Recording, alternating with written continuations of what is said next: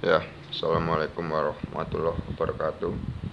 Kembali lagi bersama saya Ahmad Ardiansyah di podcast ini. Saya ucapkan selamat datang kepada para pendengar ya. Kali ini saya akan membahas kembali mengenai informasi. Kalau kemarin itu 4231 Sekarang kita pakai informasi uh, 343 ya 343 itu kalau di tahun-tahun ini jarang digunakan ya. yang cukup identik dengan formasi ini itu Antonio, Antonio Conte dari Juventus. Kenapa kok jarang digunakan? Ya kembali lagi tergantung eh, pelatihnya juga ya. Pengetahuan dan sekolah kepelatihannya dan inspirasi dia juga mempengaruhi. Sekarang coba kita bahas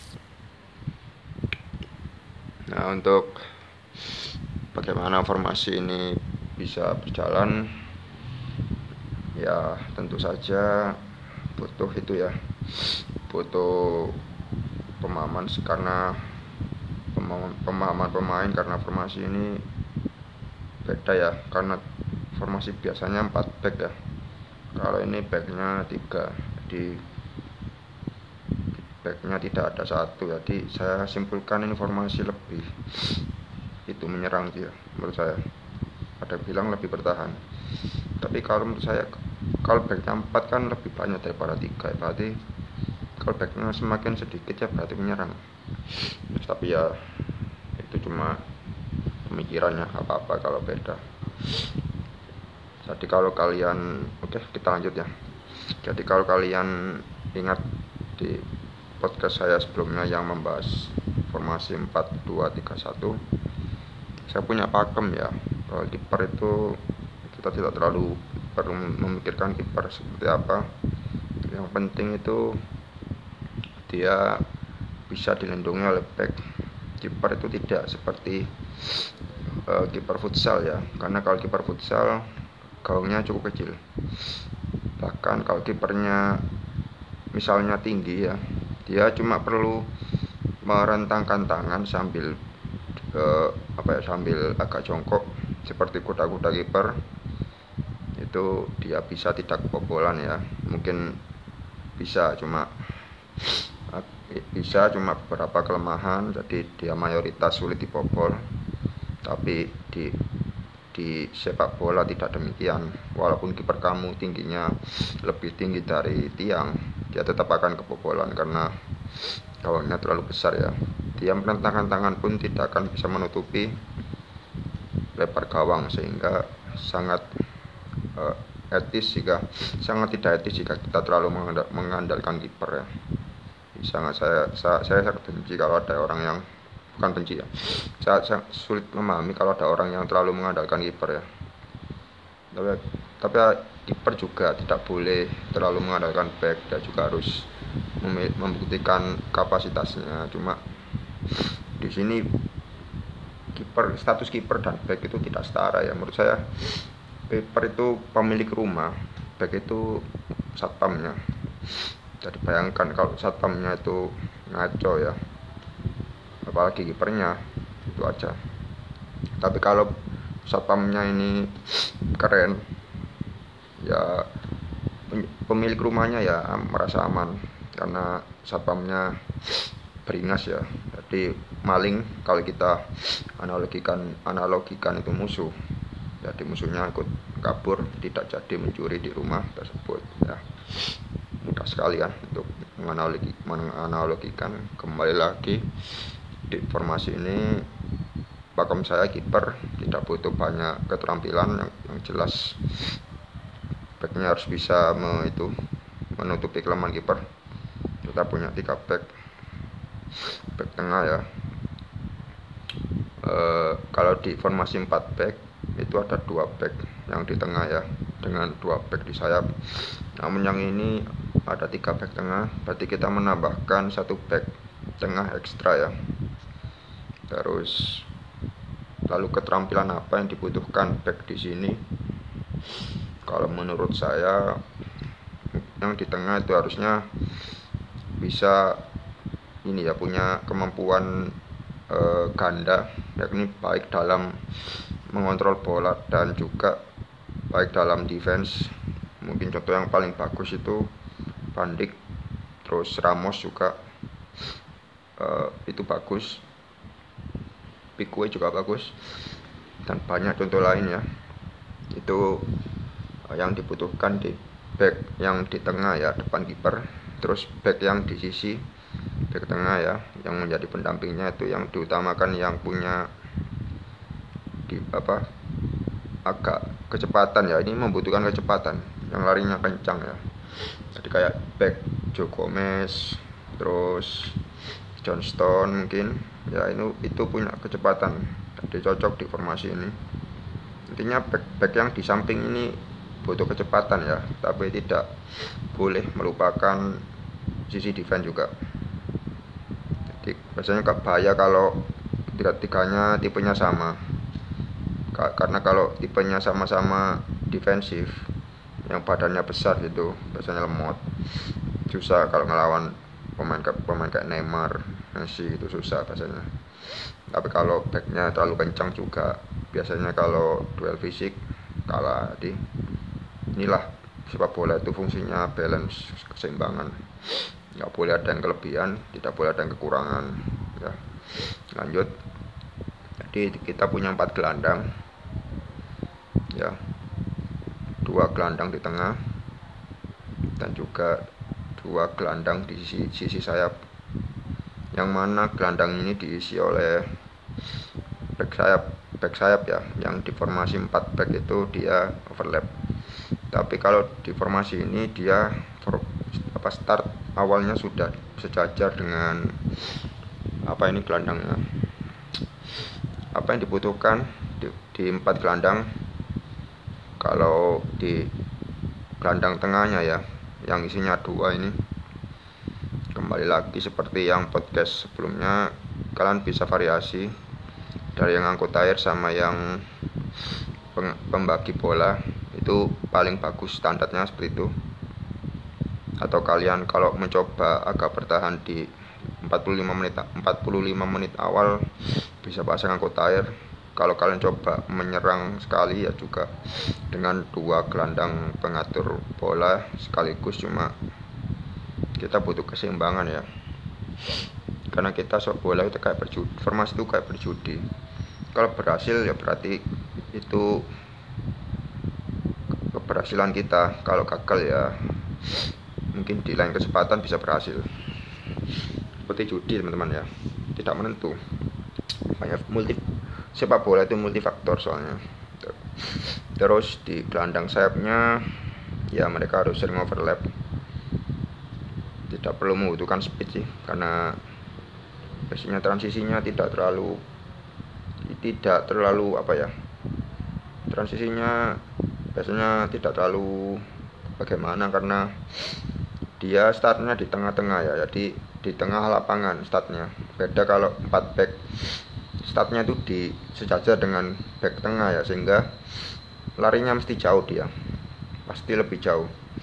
Jadi kalau perumpamaan yang di empat back kalau back sayapnya overlap itu kalau kalian naik itu bisa contohnya 100 katakanlah 100 meter baliknya lalu ketika dia balik itu baliknya 100 meter larinya berarti 200 meter lalu cuma kalau ini yang di 343 itu sisi sayapnya itu larinya cuma kalau naik 50 meter turun 50 meter. Oh iya 100 meter jadi hemat 100 meteran jadi tidak mudah habis stamina nya di formasi 4 back ini ya. Itu cuma hitung hitungan kasar ya perumpamaan. Tapi betul memang ini lebih hemat untuk back sayap. Ya jadi sekali lagi back sayapnya harus naik. Eh back sayap mas maaf maksud saya gelandangnya harus sering naik.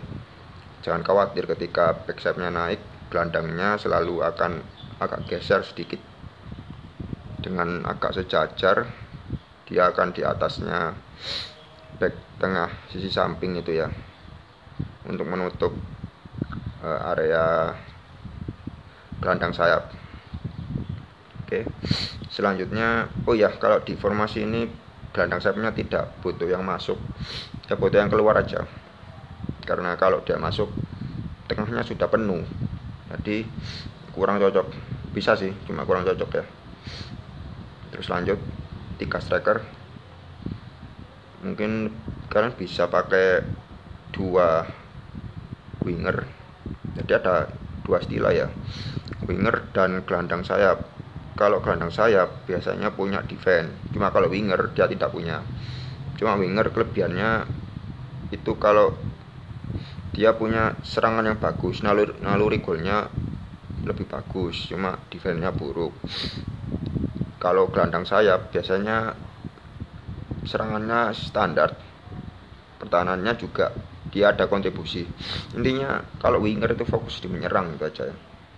Ya kalian bisa jadi kalian bisa variasi antara pakai winger atau SS perbedaan winger dan SS ya kalau winger biasanya punya speed tinggi cuma kontrol kontrol bola dan inteligensinya kurang baik.